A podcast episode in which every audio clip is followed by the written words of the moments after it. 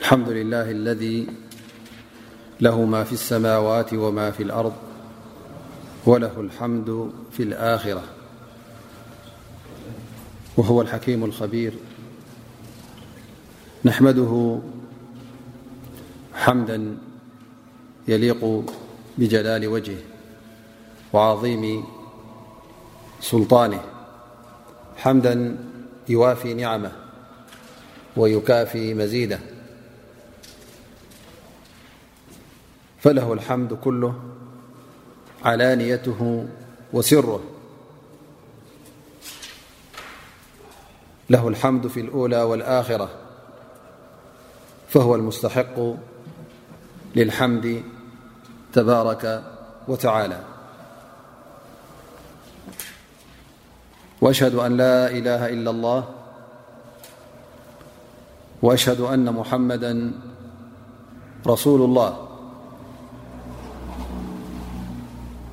نبي الهدى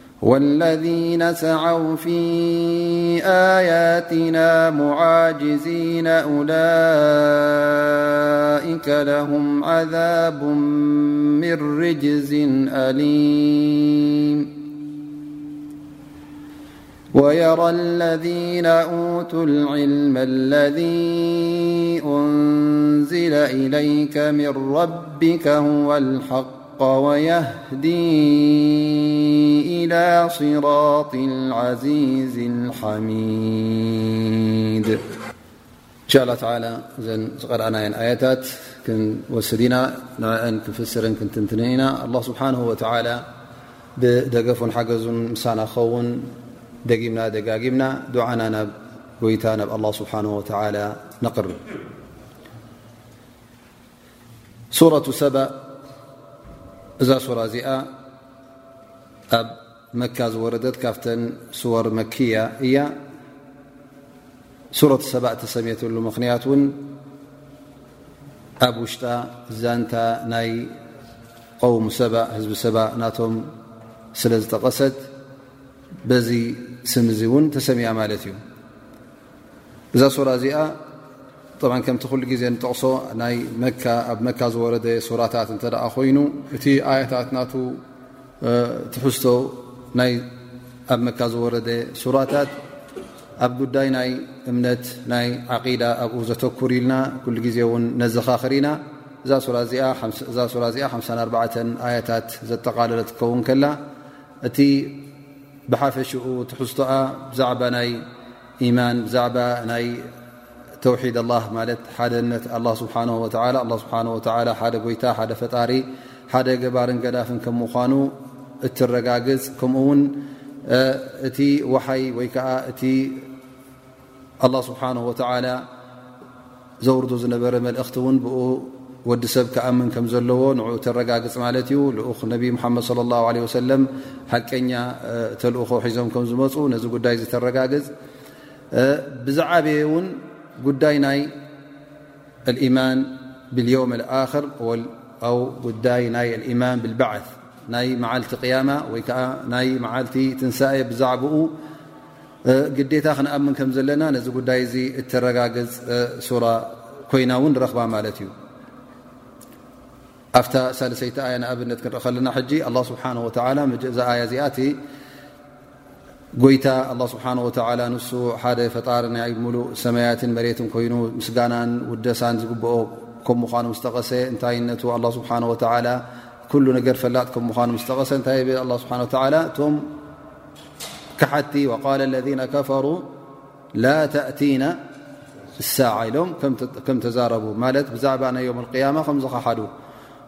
ኣላ ስብሓን ወተላ ነቢና ሓመድ ስ ሰለ እውን ከመይ ገይሩ ክምልሰሎም ከም ዘለዎ እውን ሓቢርዎ ማለት እዩ ኣብታ ቀዳመይቲ ገፅ እውን ሎ መዓልቲ ቀረኣናያ ግን ኣያ ቅፅሪ ሸውዓተ እውን ተ ርእና እንደገና ነዚ ጉዳይ እዚ ዘገርም ነገር ገይሮም ርእዎ ከም ዝነበሩ እሞ ከዓ ከም ጥውዋይ ገይሮም ወይ ከዓ ከምዘይ እመን ገይሮም ወሲዶም ንሰብ እስከ ስምዑ እስከ ዝሰብ እንታይ ይብላ ኣለዎ ቃል ለذ ከፈሩ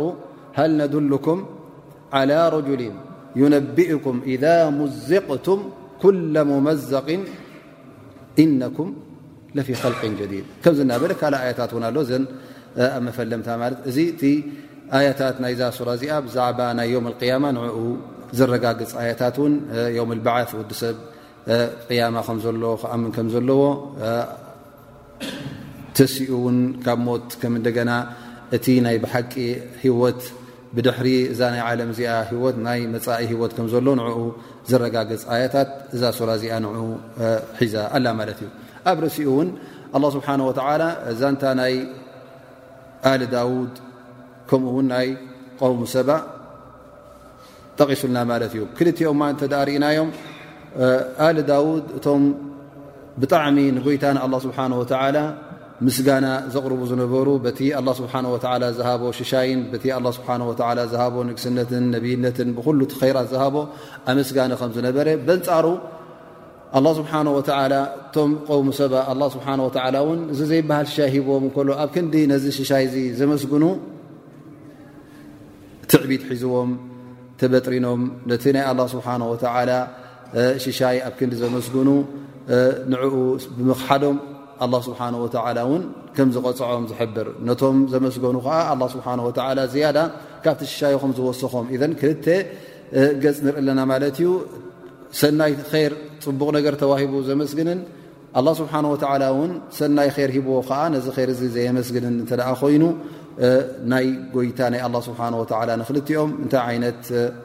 ተውህቦ ወይከዓ እታይ ይነት ን መቕፃዕቲ ከም ዝቕፅዑ ኣላ ስብሓን ወተላ እውን ከም ክውን ነገር ከም ዝነበረ ነገር ካብ ክውን ነገር ኣላ ስብሓን ወተላ ነዚ ጉዳይ እዚ የብርሃልና ማለት እዩ ካብዚ ቀፂልና ናብቲ ትንተና እንሻ ላ ክንኣቱ ኢና ላ ስብሓን ወተላ እዛ ሱራ እዚኣ ክጅምራ ከሎ ብምንታይ ጀሚርዋ ማለት እዩ ብልሓምድ ኣልሓምድ ክበሃል ከሎ ከዓ ማለት ምስጋና ማለት እዩ ላኪን እዚ ምስጋና እዚ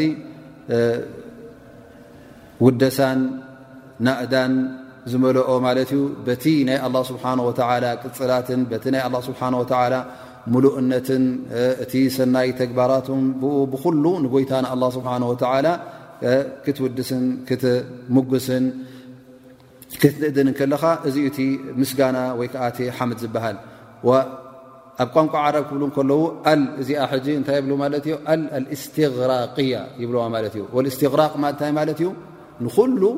ዘጠቃልል ማለት እዩ ንኩሉ ምስጋና ዘብኡ ንኩሉ ተጠቃልል ሓምደ ሊላ ክትብል ከለኻ ኣልሓምዱሊላ ክትብል ከለኻ ሕጂ እንታይ ኮይኑ ኣሎ ማለት እዩ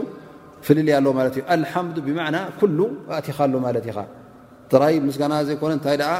ኣ ስተቕረቕ ኩሉ መሓምድ ንኩሉ ተማል ኣላ ማለት እዩ ስለዚ በዛ ቃል እዚኣ ከምታ ሱረት ፋትሓ ሱረት ፋጥር ብዙሕ ሱራታት ውን ብከምዚ ተጀሚረን ማለት እዩ ብምስጋና ንኣላ ስብሓን ወተላ ላ ስብሓን ወተላ ብመጀመርያ እቲ ምስጋና ንዕኡ ጥራይ ከም ምኳኑ ንዑ ክወሃብ ከም ዘለዎ የረጋግፀና ኣሎ ማለት እዩ ኣልሓምዱላ ለذ ለሁ ማ ፊ ሰማዋት ወማ ፊ ኣር ለሁ ማ ፊ ሰማዋት ወማ ፊ ልኣርድ ኣላ ስብሓን ወተላ ሕጂ እሱ ንዕኡ ኢና እቲ ኩሉ ውደሳን ምስጋና እንህቦ ዘለና ንሱ እዩ እቲ ኩሉ ኣብ ሰማያትን ኣብ መሬትን ዘሎ ኣብ ትሕቲኡን ኣብ ትሕቲ ቁፅፅሩን ዘሎ ማለት እዩ ላ ስብሓን ወተላ ንኩሉ ኣብ ሰማያትን መሬትን ዘሎ ንኩሉ ይመልኮ ኩሉ ናቱ ባርያ እዩ ድላዩ ይገብር ፈየተሰረፉ ፊህም ኣላ ስብሓን ወተላ ስለምንታይ ጌርካ ከመይ ጌርካዮ ዝብሎ እውን የብሉን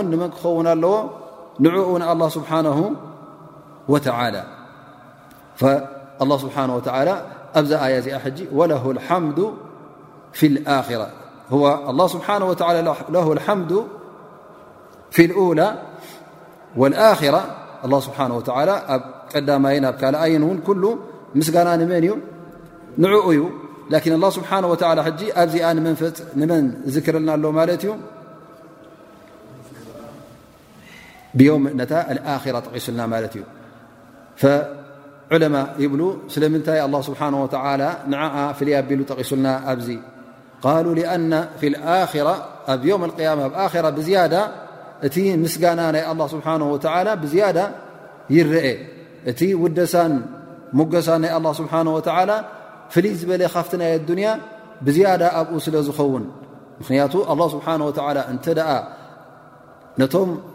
ፍጡራቱ ኣብ ዮም ቅያማ ፈሪድዎም በይንሎም ኩሉ ወዲ ሰብ ውን ነናቱ ምስ ረኣየ ፍርድናቱ ውን ምስ ተቐበለ እቲ ናይ ኣላ ስብሓን ወተላ ፍትሒ እውን ክርኢ እዩ ምሉእነት ፍትሒ ኣላ ስብሓን ወተላ ምስ ረኣየ ወላ ውን እቶም እተቐፅዑ ፍጡራት ወላ ውን ንእሳ ጀሃንም ይበሃሉ ድኣ እምበር ላኪን ኣብቲ ልቦም ምስጋና ናይ ኣላ ስብሓን ወተዓላ መሊእዎም ክርከብ ምኽንያቱ ኣላ ስብሓን ወተዓላ ስለ ዘይዓመፆም ድላዩ ገባረ ክኽእል እንከሎ እሞ ከዓ ንሳቶም ውን እዚ ኩሉ ተጋጊቦም እንከለዉ እቲ መቕፃዕቲ እውን እቲ ኣላ ስብሓን ወተዓላ ዝቐፅዖም ዘሎ በቲ ብኢዶም ዝፈፀምዎ ስለ ዝኾነ ነዚ ነገራት እዝሪኦም እቲ ጀዛ ናይ ኣዕማሎም ምስ ወሰዱ እቲ ፍትሒ ኣላ ስብሓን ወተላ ምስ ረኣዩ ንጎይታ ብልቦም ውን ከመስግኑ እዮም ዝርከቡ እዚ እሶም ካብ ኮኑ ማለት እቶም ንእሳተ ጀሃንም እተፈረዱ ከምዚ ዓይነት እዚ ምሉእነት ናይ ምስጋነ ኣብ ልቦም እንተ ኣልዩ እሞቶም ዳር ነዒም ንጀና ዝተባሃሉ ከእንታይ ክብሉ እዮም እዚኦም ድማ ብዝያዳ ንኣላ ስብሓን ወተላ ክውድሱን ከመስግኑን ክምጉሱን እዮም ንኣላ ስብሓን ወላ ብዝያዳ ውን ክንእድዮም ምክንያቱ ኣላ ስብሓን ወተላ እቲ ሰናይ ዝገበርዎ በቲ ሰናይ ናቶም ሰናይ ረኺቦም እቲ ሰናይ ውሑድ እንከሎ እውን ኣላ ስብሓን ወተላ ደሪቡን ደራሪቡን ነቲ ሰናዮም ስለ ዝመልኣሎም እሞ እቲ ዝረኸብዎ ፃማ ካብቲ ዝፈፀምዎ ሰናይ ተግባራት ዝለዓለን ዝኸበረን ኮይኑ ምስ ረኸብዎ ብዝያዳ እንታይ ክኾኑ እዮም ማለት እዩ እዞም ሰባት እዚኦም እቲ ምስጋና ናቶም ክብል እዩ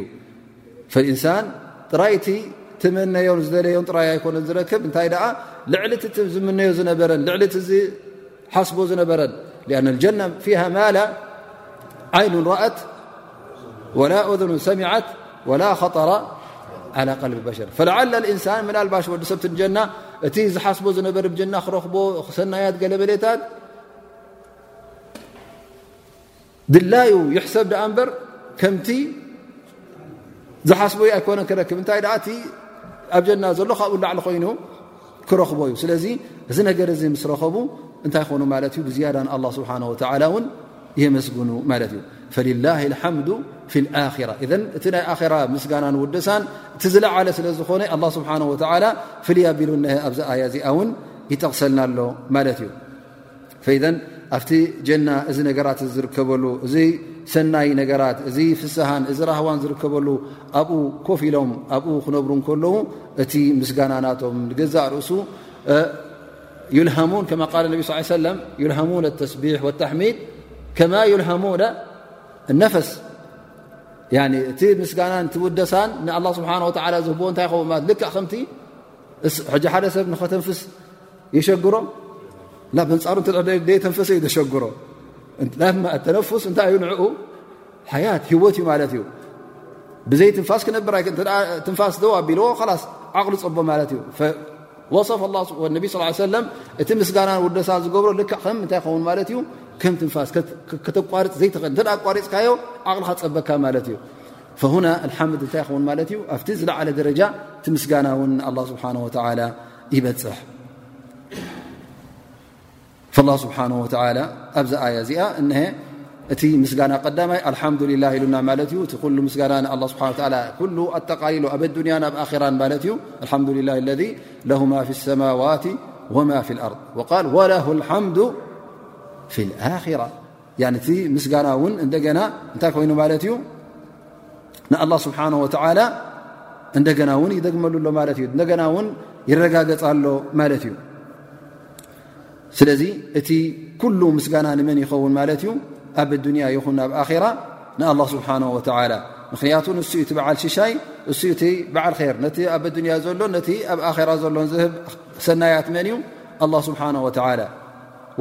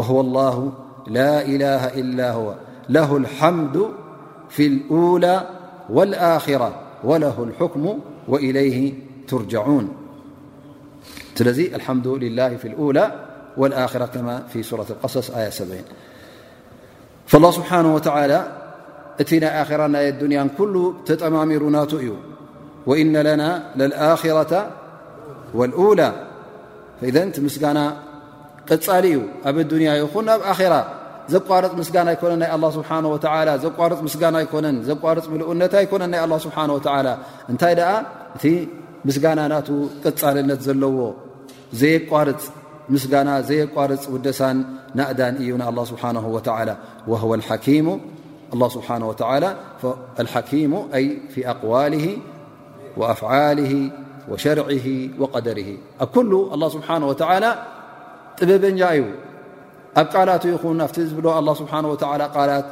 ኣብቲ ዝሰርሖ ስራሓት ይኹን ኣላ ስብሓን ወተላ ኩሉ ብጥበብ እዩ ኣላ ስብሓን ወተላ ኣብቲ ዝሸርዓልና ሸርዒ እንተ ኮይኑ እውን እቲ ዘውርዶ ዘሎ ሸርዕን ዘውርዶ ዘሎ ኣያታት እቲ ንዓና ዝሃቦ ይኹን ነቶም ቅድሜና ዝነበሩ እማታት ነቶም ቅድሜና ዝነበሩ ኣንብያእን ልኡኻትን ኣላ ስብሓን ወተላ ዝሃቦም ኩሉ ብጥበብ ከም ምኳኑ ኣላ ስብሓን ወተላ እውን ሓኪም ስለ ዝኾነ ጥበብ ክብ ምኳኑ እውን የረጋግፀልና ኣሎ ማለት እዩ ወከሊከ ፊ ቀደር ወልቀደር ብ እቲ ኣላ ስብሓን ወተላ ዘቕድሮ ማለት እዩ ኣብ ሰማያትን ኣብ መሬትን ይኹን ኣላ ስብሓን ወተላ ዝወሰኖ ነገራት ንክኸውን ኩን ዝበሎ ኩሉ ብጥበብ እዩ ዝገብሮ ኣላ ስብሓን ወተላ ብወዝብን ብዘይተሓስበ ዝመፅእ ነገር ኣይኮነን እነማ የእቲ ብቀደር ላ ስብሓን ወተላ ወብሕክመትሂ በቲ ናቱ ጥበብ ናይ ኣላ ስብሓን ወተላ ስለዚ ኩሉ ኣላ ስብሓን ወተላ ዝገብሮ ፀወታ ኣይኮነን እንታይ ደኣ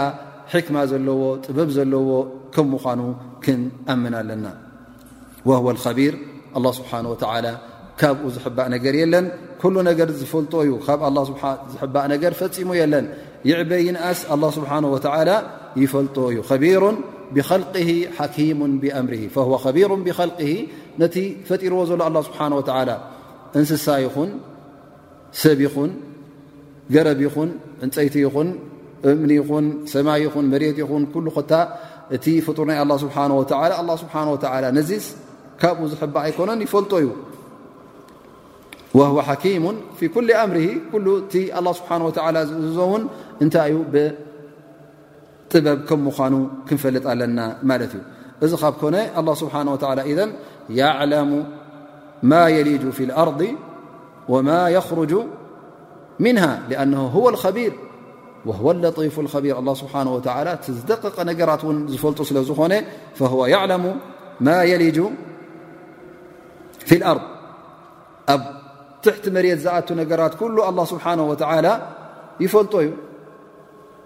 ማይ ይኹን ዘራእቲ ይኹን ፍረ ጥረን ይኹን ኣብ ትሕቲ መሬት ኣላ ስብሓን ወተላ ተሓቢኡ ዘሎ መዓስ ከም ዝበቁል ከመይ ገይሩ ከም ዝበቁል ኣላ ስብሓን ወተላ እዩ ዝፈልጦ እዘን ማለት እቲ ተደብዲቡ ዘሎ ተሸፊኑ ዘሎ ትሕቲ መሬት ካብ ኣላ ስብሓን ወተላ ተሓቢኡ ማለት ኣይኮነን ከም ወዲ ሰብ ንኽሪኦ ዓይኒ ዘድልዮ ወይ ከዓ ክክዕቶ ዘድልዮ ኣይኮነን ኣን ኣላ ስብሓን ወተላ ንስኡ ነዛ መሬት እዚኣ ኸሊቕዋ ኣብ ውሽጣ እንታይ ኣሎ እንታይ ግበር ኣሎ እውን ኣላ ስብሓን ወተላ ይፈልጦ እዮም እዘን ካብኡ ዝስተር ወይ ከዓ ካብኡ ዝሕባእ ነገር የለን ማለት እዩ ወማ የኽርጁ ምንሃ ኣላ ስብሓን ወተላ እውን ካብዚ መሬት እዚ ዝበቁል ሽሻያት ርዝቅታት በቢ ዓይነቱ መዓድን ኮይኑ ዘራእቲ ኮይኑ ኣላ ስብሓን ወተላ ብፍልጠቱ ከም ምኳኑ እነሀ የረጋግፀልና ኣሎ ማለት እዩ ወማ የንዝሉ ሚን ኣሰማእ ካብ ሰማይ ዝወርድ ሽሻያት ማይ ዝናብ መላእካታት ካልእ ዓይነት ዝኾነ ይኹን ትእዛዝ ኣላ ስብሓን ወተላ ይኹን ካብ ሰማይ እውን እነሀ ኣላ ስብሓን ወተላ እዩ ዝፈልጦ ወማ ርጁ ፊሃ ያዕርጁ ኢላ ንሰማይ ማለት እዩ ሰማይ እውን ዝዓርግ ኣሎ ኢለይ የስዓዱ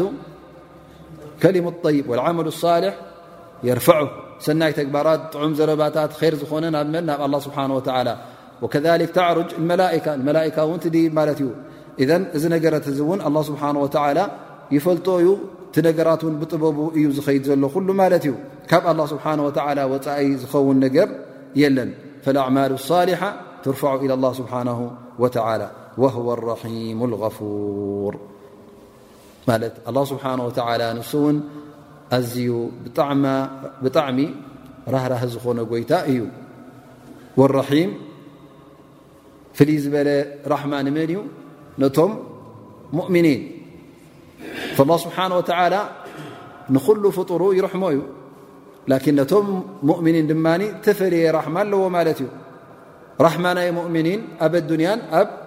ኣራን ይቕፅል ማለት እዩ ኣማ ራሕመቱ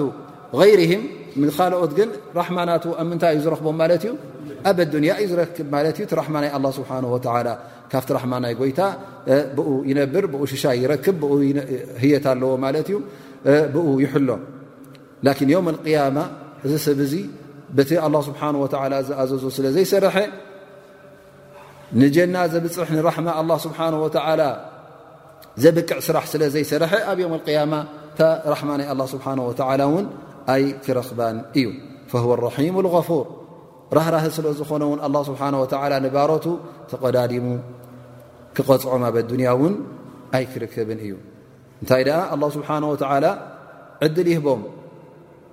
ቶባ ንኽብሉ መቕፊራ ንክሓቱ ምሕረት ንክሓቱ ካብ ኣላ ስብሓን ወተላ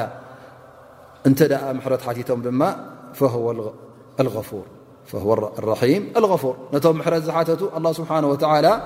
ይምሕሮም በቲ ዝገበርዎ ዘንብታት እንተ ተኣሚኖም ቶባ እንተ ኢሎም ንሳሕ እንተ ገይሮም ኣላ ስብሓን ወተላ ንሳሓኦም ይቕበለሎም ቶባኦም እውን ይቕበለሎም ኣላ ስብሓን ወተዓላ ካብኡ ስለ ዝጠለቡቲ ምሕረት ኣላ ስብሓን ወተላ ምሕረተኛ ከም ምዃኑ እንተ ፈሊጥካ ምሕረት እንተ ሓቲትካዮ ኣላ ስብሓን ወተዓላ ክምሕረካ እዩ ምኽንያቱ ንሱ ራህራሂ ኣዝዩ እምብዛ ራህራሂ ስለ ዝኾነ ንሱ እውን እምብዛ መሓሪ ስለ ዝኾነ ኣላ ስብሓን ወተዓላ ክምሕረካ እዩ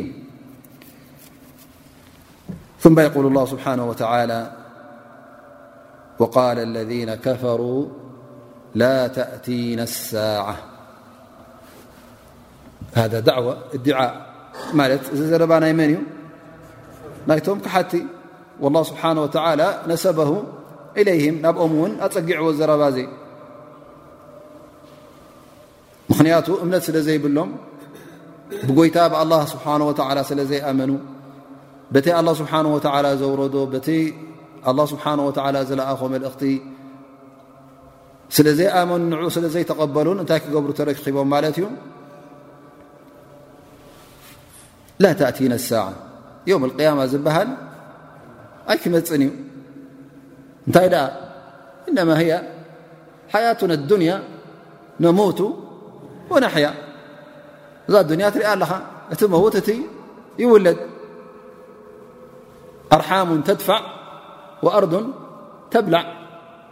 ማለት ማህፀናት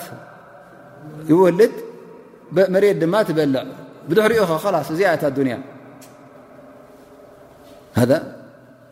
ከምዚኦም ነሮም ማለት እ ተጃሂል እዮ እዚ ሰብ እዚ ብኣ ስብሓ ወላ ስለ ዘይኣምን ብዮም ያማ መቕፃዕቲ ናይ ዮም ያማ ኣሎ ዝበሃል የብሉን ወይ ከዓ ጀና ዝበሃል ጀሃንም ዝበሃል ኣይፈልጥን እዩ ላኪን እሱ እንታይ እዩ ዝርኢ ዘሎ እዛ ኣዱንያ ሂረ ሓያት ያ እዚ ብግዳም ዝሪኦ ዘሎ ንዑ ጥራይ ርዩ ጀና በፂሑ ዝመፀ ኣይረኣና ጀና ጀሃንም ዝበፅሐ ይመፀና መካብ ቀብሩ ተሲኡ ውን ዝተተንሰአ ኣይረኣና እንታይ ላስ እዛ ንሪኣ ዘለና እያ እዛ ዱኒያ ከምዚኣ ልና ክንነበር ኢና ሰብ ክውለድ እዩ እቲ ድማ ሓደ ሓለፈ ክመውት ክኸይድ እዩ ከምዚ ኢሉ ከምዚኦም ዝኣም ነሮም ማለት እዩ ቃል ለذ ከፈሩ ላ ተእቲና ሳዕ ቃል ወማ ዩህሊኩና ኢላ ዳሃር እቲ ዘመን እዩ ላስ ንዓና ኩሉ ዕሌቱ ዘእከለ መዓልቱ ዘእከለ ክመውት እዩ ብኣ ድማ ላስ ተጨሪሳ እያ እዛ ኣዱንያ ኢሎም ከምዚ ዓይነት እምነት ስለ ዝነበሮም ነዚ ጉዳይ እዚ ነቢ صለ ላ ለ ወሰለም ክቃወሞ ከም ዘለዎ እዚ እምነት እዚ መጥፍኢ ከም ምኳኑ ኣላ ስብሓን ወተላ ነዞም ሰባት እዚኦም ክግለፀሎም ከም ዘለዎ እሀ ንነቢና ሙሓመድ صለ ላ ለ ወሰለም ከምዚ ኢልካ መልሰሎም ኣቲ ኣመላልሳ እውን ከምቲ ካልእ ነገር ኣይኮነን እንታይ ደኣ ኣላ ስብሓን ወተላ ዝያዳ እንታይ ከእትወሉ ማሓላ ንኸእትወሉ ነቢና ሙሓመድ ለ ላ ለ ወሰለም ኣዚዝዎ ማለት እዩ ቁል በላ ወረቢ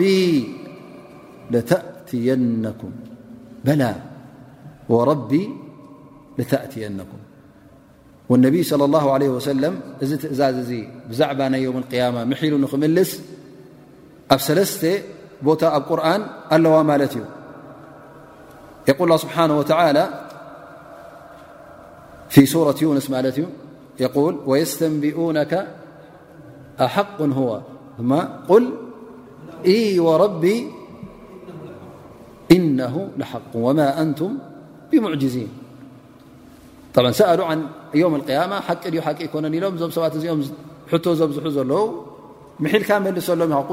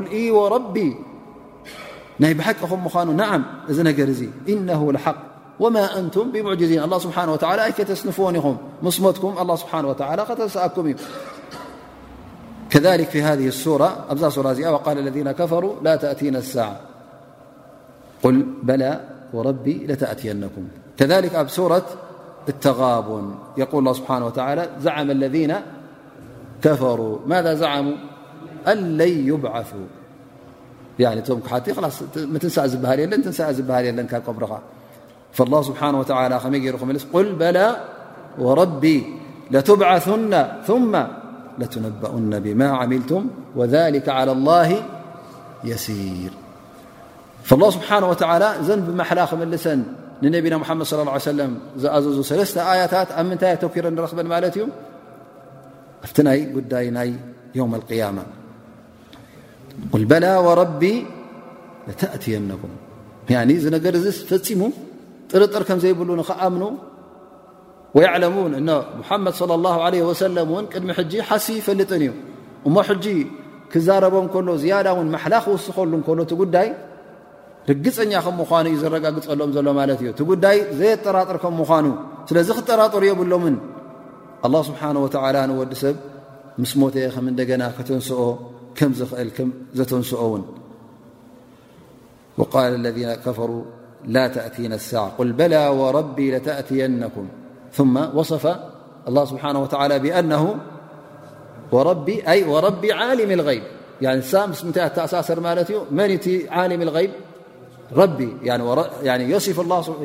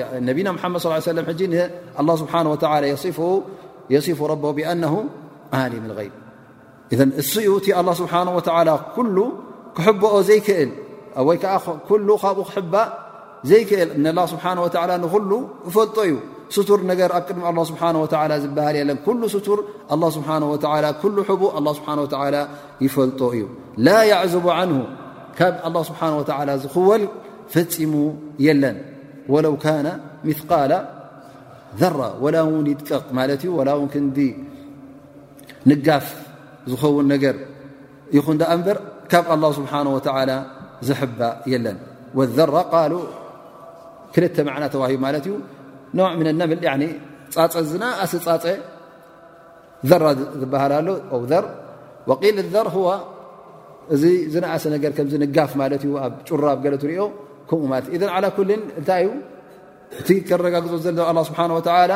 ዝኾነ ነገር ወላ እውን ይንኣስ ብዓይንኻ ክትረኽቦን ክትፈልጦን ክትሪኦን ዘይትኽእል ነገርሲ ኣላ ስብሓን ወተዓላ ክሪኦ ከም ዘኽእል ካብኡ ከም ዘይሕባእ ካብ ኣላ ስብሓን ወተዓላ ዝሕባእ የለን በል ኩሉ ምንደርጁን ታሕቲ ዕልሚ ኩሉ ነገራት ኣብ ትሕቲ ዕልሚ ናይ ኣላ ስብሓን ወተዓላ ኣብ ትሕቲ ፍልጠቱ ኣትኡ ፈይዕበ ይንኣስ ኣብ ቅድሚ ኣላ ስብሓን ወተላ ዕብትን ንእስነትን ዝበሃል የለን ኩሉ ኣብ ትሕቲ ቁፅፅሪ ናይ ኣላ ስብሓን ወተላ ይኸውን ማለት እዩ ኣብ ዝተረሓሓቀ ቦታ ይሃሉ ወይ ከዓ ኣብ ፀበበ ቦታ ይሃሉ ኣው ኣብ ፀልመተ ቦታ ኣብ ዝበረሀ ቦታ ኣብ ዝረሓቀ ቦታ ኣብ ዝኾነ ይኹን ቦታ ኣላ ስብሓን ወተላ ንዝኾነ ነገር ከመይ ከም ዘሎ ብቁፅሩን ብሕብሩን ብዕብየቱን ምንኣሱ ብኩሉ ነገራቱ ኣላ ስብሓን ወተዓላ ይፈልጦ እዩ ክፈልጦ ከሎ ማለት ብሓደ ሸነኽ ይፈልጦ ወይ ከዓ ብሓደ ሸነኽ ዘይፈልጦ ኣይኮነን ማለት ቁፅሩ ይፈልጦ ላኪን ዕብየቱ ኣይፈልጦን ወይ ዕብየቱ ይፈልጦ እዩ ወይ ግን ቁፅሩ ክፎ እዚታት ዝበሃልየን ኣላ ስብሓን ወተዓላ እዘን ፍልጠት ናቱ እቲ ናይ ኣላ ስብሓን ወተዓላ ጉድለት ዘይብሉ ፍልጠት ከም ምዃኑ እነ ኣላ ስብሓን ወተላ እዚ ላ ያዕዝቡ ማለት ካብኡ ፈፂሙ ዝኽወል የለን ካብ ኣላ ስብሓን ወተዓላ ዝርሕቕ የለን ፈላ ያዕዝቡ ዓንሁ ምትቃሉ ዘረት ፊ ሰማዋት ወላ ፊ ልኣርድ ኣብ ሰማያት ይኹን ከምኡ ውን ኣብ መሬት ወላ ኣስغሩ ምን ذሊከ ወላ ኣክበር ኩሉ ካብ ሰማይ ዝዓቢ ይኹን ላ ክንዲ ሰማይ ይኹን ወላ ውን ዕብት ዘለዎ ንእሰት ዘለዎ ኣላ ስብሓን ወተላ ኩሉ ይቆፃፀሮ እዩ እዘን እንተ ደኣ ከምዚ ኮይኑ ኣላ ስብሓን ወተላ እቲ ዝሞተ ውን እቲ ህይወቱ ዝሓለፈ ውን ኣላ ስብሓን ወተላ ድሕሪ ሞቱ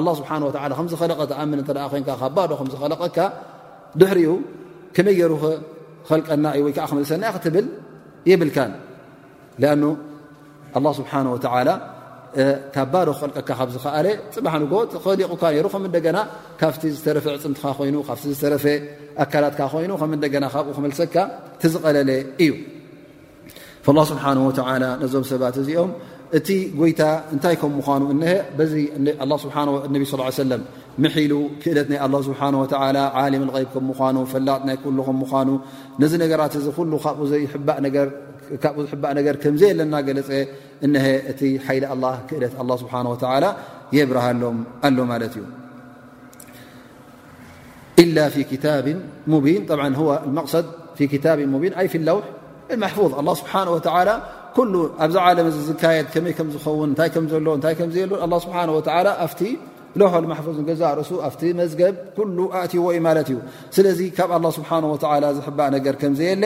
ክትፈልጥ ኣለካ ማለት እዩ ወላ ስብሓን ወተላ እዚ ናይ ዮም ኣልቅያማ እዚ ከም እንደገና ወዲ ሰብ ድሕርሞቱ ንኽትንስእ ዝወሰኖ ስለምንታይ እዩ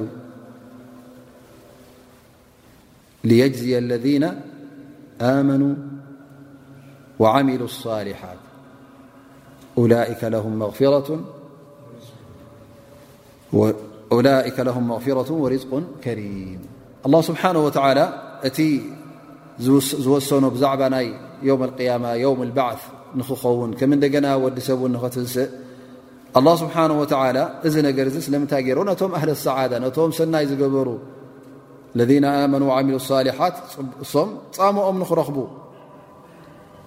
ጀና ንኽኣት በቲ ዝገበርዎ ሰናይ ተግባራት ወለذነ ሰዓው ፊ ኣያትና ሙዓጅዚና ላይከ ለም ዓዛብ ምን ርጅዝ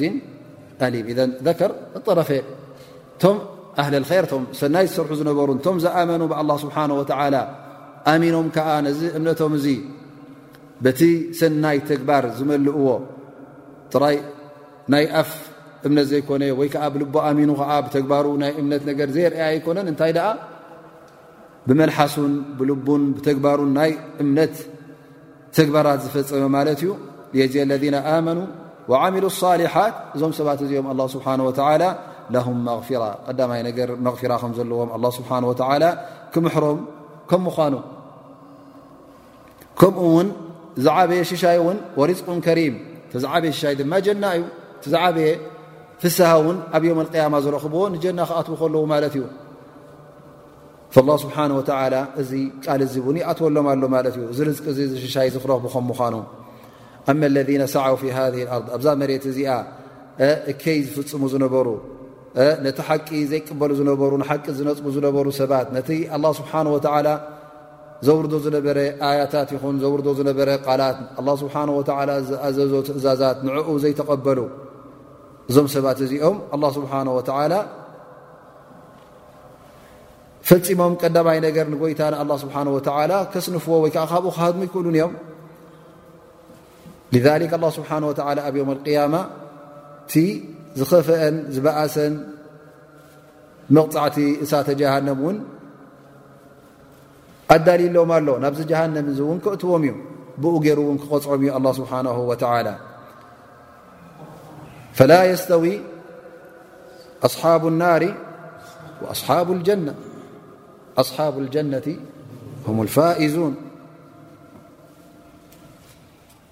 ኣብዛ ኣዱንያ እዚኣ እቲ ንጎይታ ንኣላ ስብሓን ወተዓላ ዘምልኽ እቲ ብትእዛዝ ኣላ ስብሓን ወተዓላ ዝኸይድ ዝነበረ ካብቲ ኣላ ስብሓን ወተዓላ ዝኸልከሎ ዝኽልከል ዝነበረን እቲ ከም ድላዩ ዝዕንድር ዝነበረ ኣብዛ ኣዱንያ እዚኣ ኩሎም ሓደ ክኾኑ ኣይከኣልን እዩ ኣይከውንን እዩ ዝነገር እውን ዘበት እዩ ላ ስብሓን ወተላ በየነ ሊክ እዚ ነገር እዚ እውን ኣላ ስብሓን ወተዓላ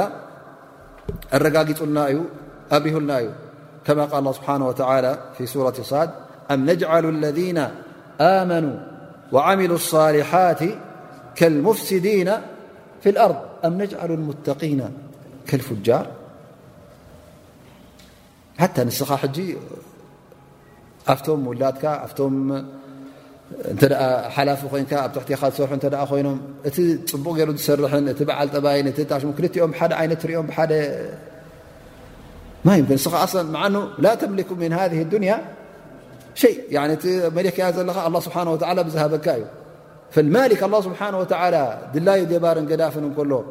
እንተ ደኣ ነቲ ዝኸሓደን ነቲ በዓል እከይ ተግባርን ሰብ ዝቐትልን ሰብ ዝሓርድን ገንዘብ ሰብ ዝበልዕ ዝነበርን ኣብዛ ኣዱንያ ንሰብ ዘዋርድ ዝነበረን ከምቲ በዓል ኢማን ከምቲ ንሰብ ዝጠቅም ዝነበረን ከምቲ ንነብሱ ዝጠቒሙ ንኣሕዋቱ ዝኸውን ዝነበረን ዘይገንዘቡ ዝበልዕን ዘይገንዘቡ ዘይበልዕን ጥራይ ከምኡ ዘይኮነ እውን ንሰብ ዘዐንግልን ካብ ገንዘቡ ንሰብ ዘካፍልን እን እትን ከመይ ጌርካ ኩሎም እዚኦም ፅባሕ ንግ ኩሎም ሓደ ክኾኑ እዮም ትብል እዛ ዱንያ እዚኣ ኣሰለ እንታይ ማለት እዩ ፍትሒ ዘይብላ ዱንያ ማለት እዩ ንገዛ ርእሳ እሞ ኣነ ወዲ ሰብ እንከለኻ ባዕልኻ ንፍትሒ ትፈቱ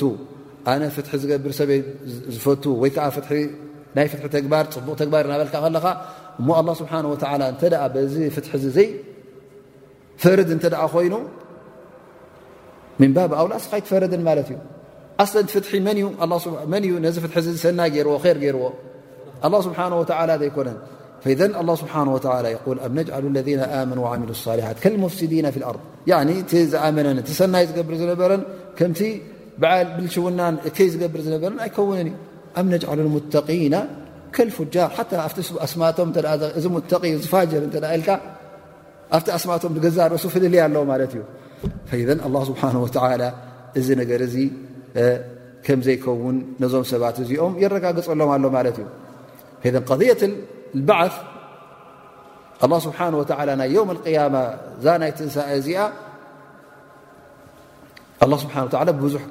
ኣገባብ ገይሩ ነዞም ሰባት እዚኦም የብርሃሎም ኣሎ ማለት እዩ እሳ እውን ዝዓበየ ጥፍኣት ነይራ ማለት እዩ ም ካኑ እዞም ኣብ ግዜ ነቢና ሓመድ ስ ሰለ ዝነበሩ እቶም ቁሬሽ ንገዛእ ርእሶም መን ከለቀ ሰማዋት ወኣርት ክበሃሉ ከለዉ ሰማያን መሬት መን ከሊቁ ተባሂሎም መን እዮም ዝብሉ ነይሮም ኣላ እዮም ዝብሉ ነይሮም ማለት እዩ ንጎይታ ኣላ ዩ ከሊቁ ናብሉ ነይሮም ላኪን ላ ዩእምኑና ዮም ልበዓስ ወንሹር ዝበሃል የለን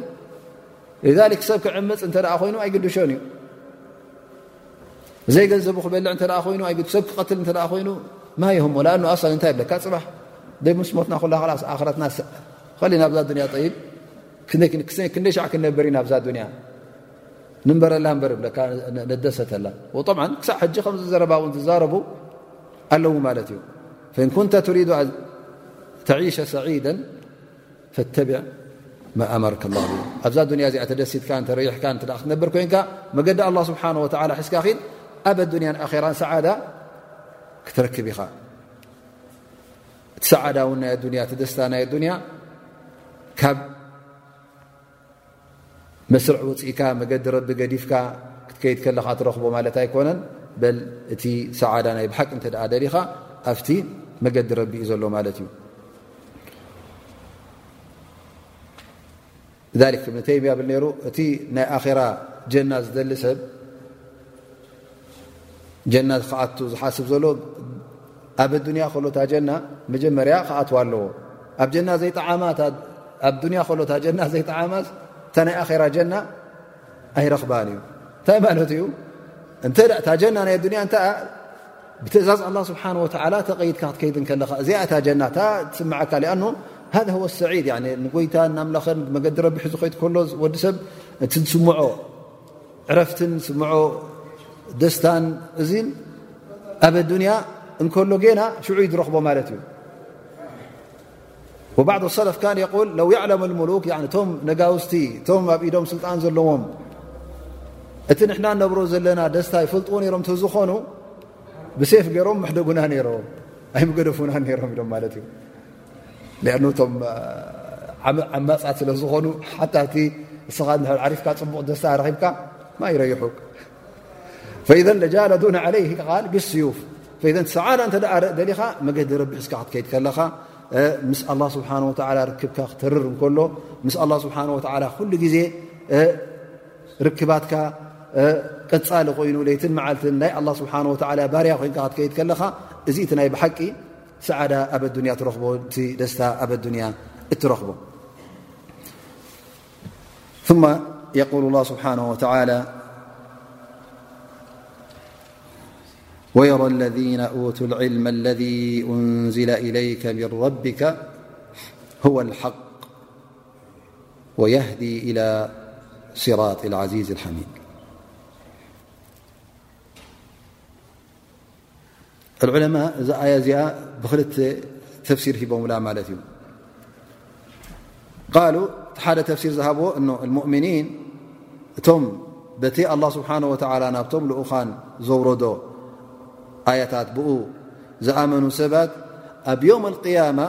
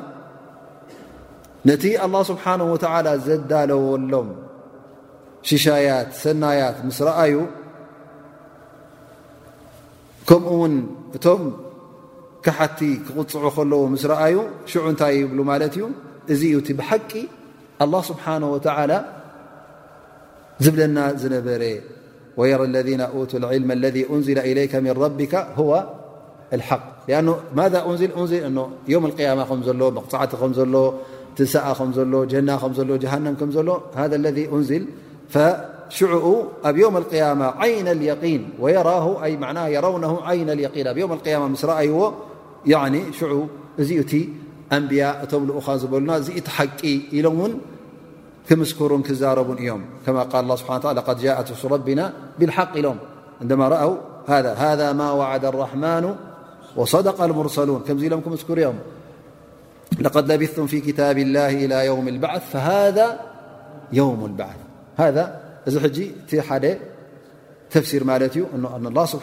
مؤمنين عندما يرون مؤمنين الله سبحانه وتعالى زور بعب ن يوم القيامة ب زأمنو ب يوم القيامة ت ح مس رأي لم عين اليقين مس رأي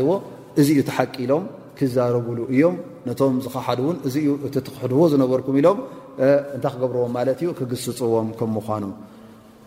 እዚ እቲ ሓደ ተፍሲር ማለት እዩ እቲ ካልኣይ ተፍሲር እንታይ ኢሎም ማለት እዩ ቃሉ እ ኣላ ስብሓን ወተላ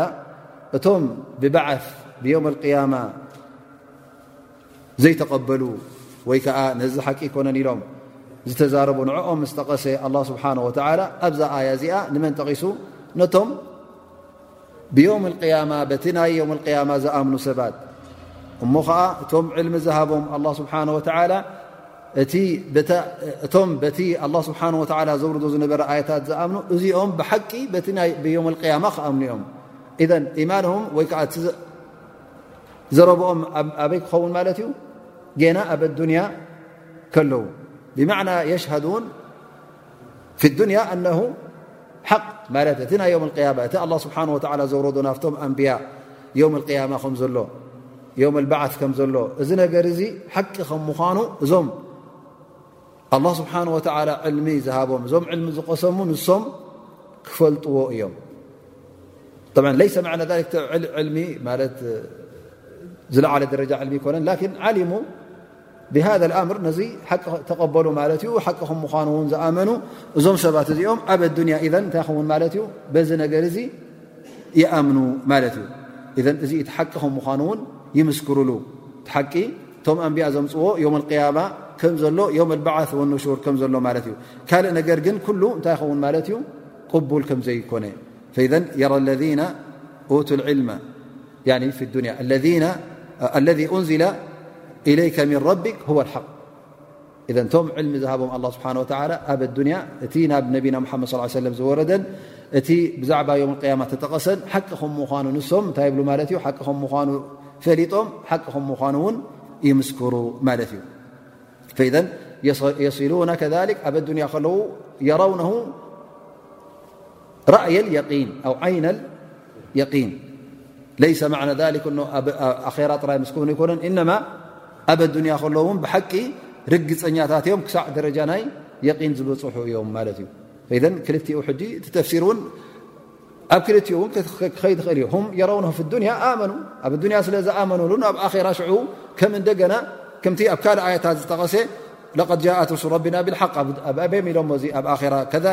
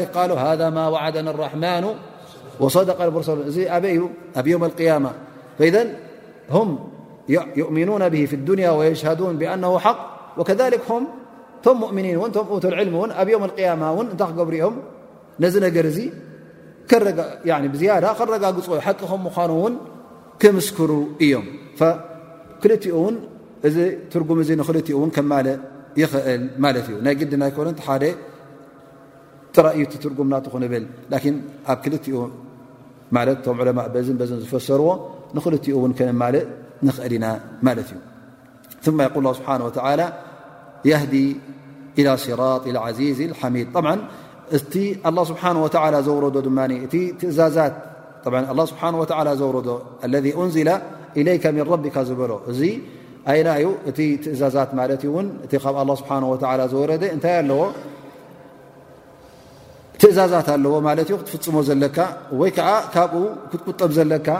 መጠንቀቕታታት እውን ኣሎ እሞ እዚ ትእዛዛት እ እዚ ሓበሬታ እዚ እውን ናበይ እዩ ዝመርሕ ያህዲ ኢላ ስራጢ ዓዚዝ ሓሚድ ናብቲ ቅኑዕ ዝኾነ መንገዲ ኣላ ስብሓን ወተላ ናብቲ ናይ ፍፁም ሓያል ዝኾነ ኣላ ስብሓን ወተላ ምስጉን ዝኾነ ኣላ ስብሓን ወተላ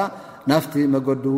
ዝሕብር ማለት እዩ ፈኢዘን እዞም ሰባት እዚኦም ብእኡ ኣሚኖም በቲ ዘውረዶ ብእኡ እውን ስለ ዝሰዓቡ ንዕኡ ስለ ዝፈፀሙ እውን ናበይ ወስዶም ማለት እዩ ናብቲ ር ናብቲ ሰናይ እውን ናብ መገዲ ቅኑዕ መገዲ ኣላ ስብሓን ወተላ ይመርሖም ማለት እዩ ኣላ ስብሓን ወተላ እዞም ሰባት እዚኦም እቲ ነፍሶም ክብ ዝበለ ደረጃ ክበጽሕ ናይ ተዝክያ ወይ ከኣ ተኣጅሮም እና ደረበን እና ዓብለለን ክኸይድ ዝኽእል ኣበይ ምስ በጽሑ እዮም ውን ኣብቲ ናይ ደረጃ ናይ ፍልጠት ዕልሚ ዘለዎም ሰባት ክኾኑ ከለዉ ካብ ዕልሚ ተበጊሶም ውን ነዚ ነገር እዚ ክፍጽሙ ከለዉ እቲ ደረጃ ናይ ስራጥ ሙስተቂም ሒዞም ናብ መገዲ ር ናብ መገዲ ሰናይ ናብ ቅኑዕ መገዲ ውን ይኸዱ ማለት እዩ ነቲ ኣላ ስብሓን ወተላ ዝኣዘዞ ነገራት ን ኩሉ ኣብ ክታብ ረቢ ይኹን ኣብ ሱና ነቢ ዘሎ ንዕኡ ሒዞም ይኸዱ ማለት እዩ ሓቂ ዘለዎን ብእክላስ ብቢረልዋልደይን ይኹን ዝኾነ ይኹን ኮታ ትእዛዝ ኣላ ስብሓን ወላ እናፈፀሙን እቲ ኣላ ስብሓን ወላ ዝኸልከሎ ሕማቕ ተግባራት ን ካብኡ እናተኸልከሉ ክእጓዓዙ ይርከቡ ማለት እዩ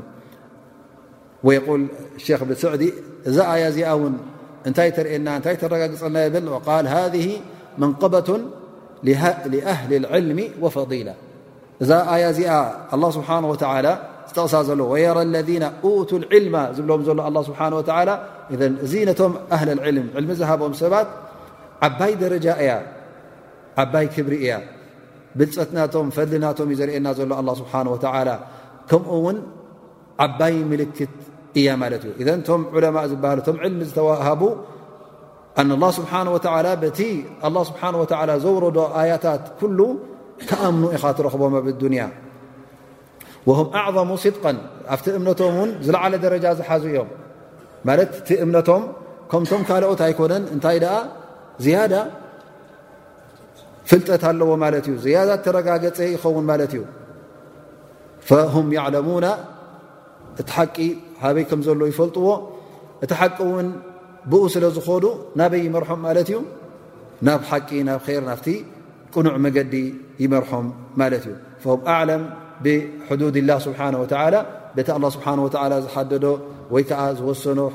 ሕግታትን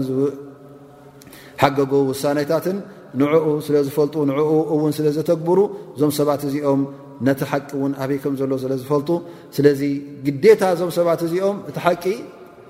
ናብ ኩሉ ከብፅሕዎ ኣለዎም እዚ ሓቂ እዚ እውን ከዘውትርዎ ኣለዎም ንሶም ፈሊጦሞ ስቕ ክብሉ እውን የብለዎን ሱቕ ክብሉ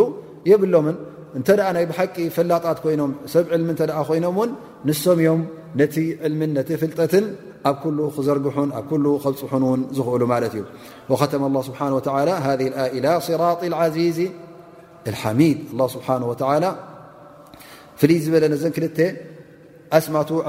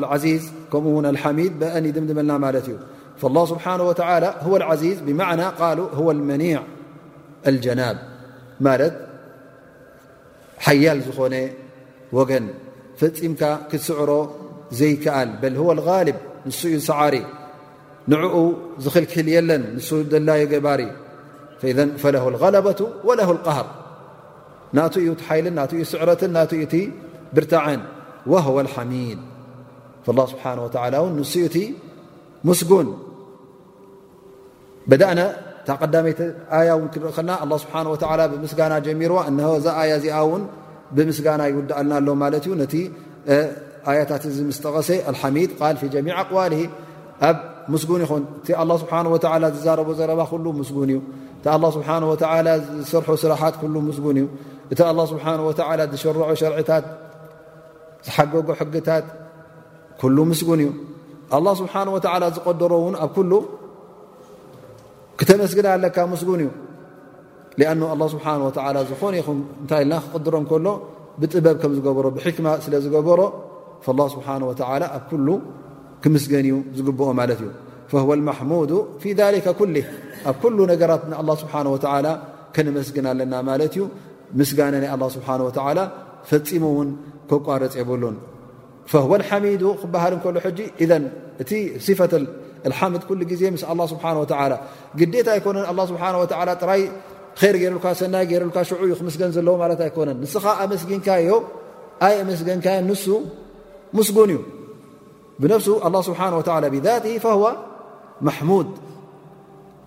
ላኪን ወዲ ሰብ ምስጉን ክበሃል እንተ ኮይኑ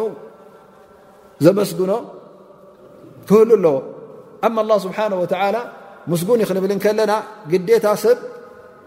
ከመስግንዎ ኣለዎ ወይ ከዓ መላእካ ከመስግንዎ ኣለዎ ምስጉን ክበቅዕ ኣይበሃልን እዩ ላኪን ኣ ስብሓ ላ ህዋ ማሕሙዱ ብዛ ብነፍሱ ብኣላ ስብሓ ወላ ብዛ ብነፍሱ እንታይ እዩ ምስጉን ከም ምኳኑ ክንፈልጥ ኣለና ማለት እዩ እዚ እውን ከነረጋግፆ ኣለና